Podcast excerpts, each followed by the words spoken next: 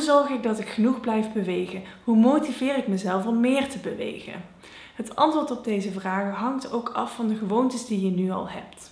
En daarmee bedoel ik niet de gewoontes die je vindt dat je zou moeten hebben, of de gewoontes die je graag wil hebben, of de gewoontes die je in de zomer hebt. Nee, het gaat echt over de gewoontes op het gebied van beweging die jij in de winter hebt. Want goede gewoontes volhouden is nu eenmaal makkelijker dan goede gewoontes beginnen. Maar het is niet onmogelijk, zeker niet onmogelijk. En daar wil ik je ook graag bij helpen. En ik vind het dus ook een belangrijke vraag. Welke gewoontes op het gebied van bewegen heb jij nu al? En daarmee bedoel ik niet alleen sporten, maar ook andere vormen, kleinere vormen van beweging. Met de fiets naar het werk gaan, lopend naar de supermarkt gaan of elke dinsdag de woonkamer stofzuigen zijn ook allemaal vormen van beweging. Dus wat kan je doen om deze gewoontes in stand te houden? Of wat kan je doen om deze gewoontes wat meer uit te breiden? Er zijn echt heel veel manieren om meer beweging in te integreren in jouw leven. Dus kijk vooral ook goed wat bij jou en wat bij jouw leven past. En tip nummer 1 is maak het zo leuk mogelijk. Hoe leuker, hoe makkelijker. Als ik aan het dansen ben, dan heb ik helemaal niet in de gaten dat ik aan het bewegen of aan sporten ben. Want ik ben aan het dansen. Ik vind de muziek leuk. Ik vind de expressie die erin zit leuk.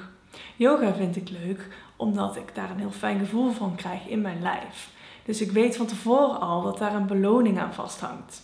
En misschien vind je wandelen leuk, omdat je dan in de natuur komt. En de natuur heeft ook weer op een andere manier effect op ons. En als je graag het mooie van de natuur wil leren zien in de winter, kijk dan vooral even naar module 5. Tip 2 is: zoek een stok achter de deur of ga met iemand samen. En deze tip heb je waarschijnlijk heel vaak gehoord en dat komt omdat het waar is. Met iemand samen gaan sporten of samen gaan bewegen is gewoon veel makkelijker dan in je eentje. Je zou hier ook een uh, sportles bij kunnen rekenen, als het tenminste met andere mensen samen is en op een vast tijdstip in de week. Want ook daar ontmoet je andere mensen en dan hangt er een soort van verplichting stok achter de deur aan vast.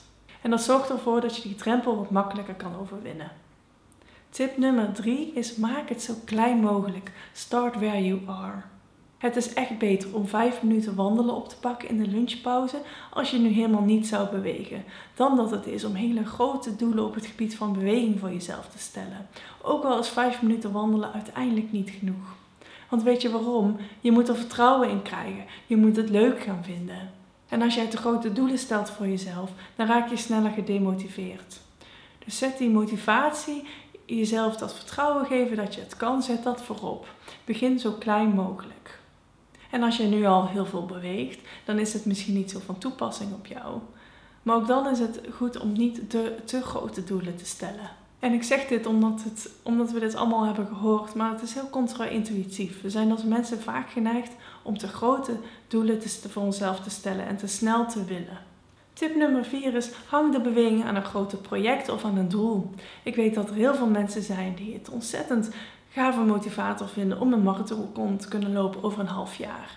Ik ben zelf niet zo competitief ingesteld, dus mij zal je dat niet zo snel zien doen. Maar ik weet dat het voor andere mensen wel werkt. Je hebt ook challenges die je kan doen. Dan doe je mee met een grotere groep en dan heb je aan het einde ook echt een resultaat.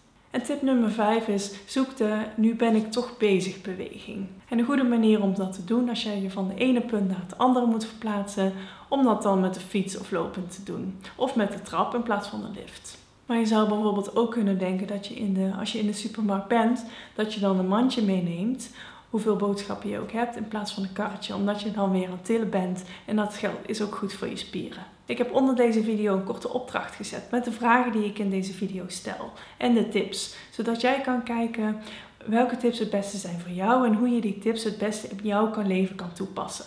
Dus als je dat uh, nog nodig hebt, kijk daar vooral even naar. Oké, nu ga ik je nog in de volgende video ga ik je nog wat meer tips over beweging geven, vooral om de neerwaartse beweging van de winter een beetje tegen te gaan.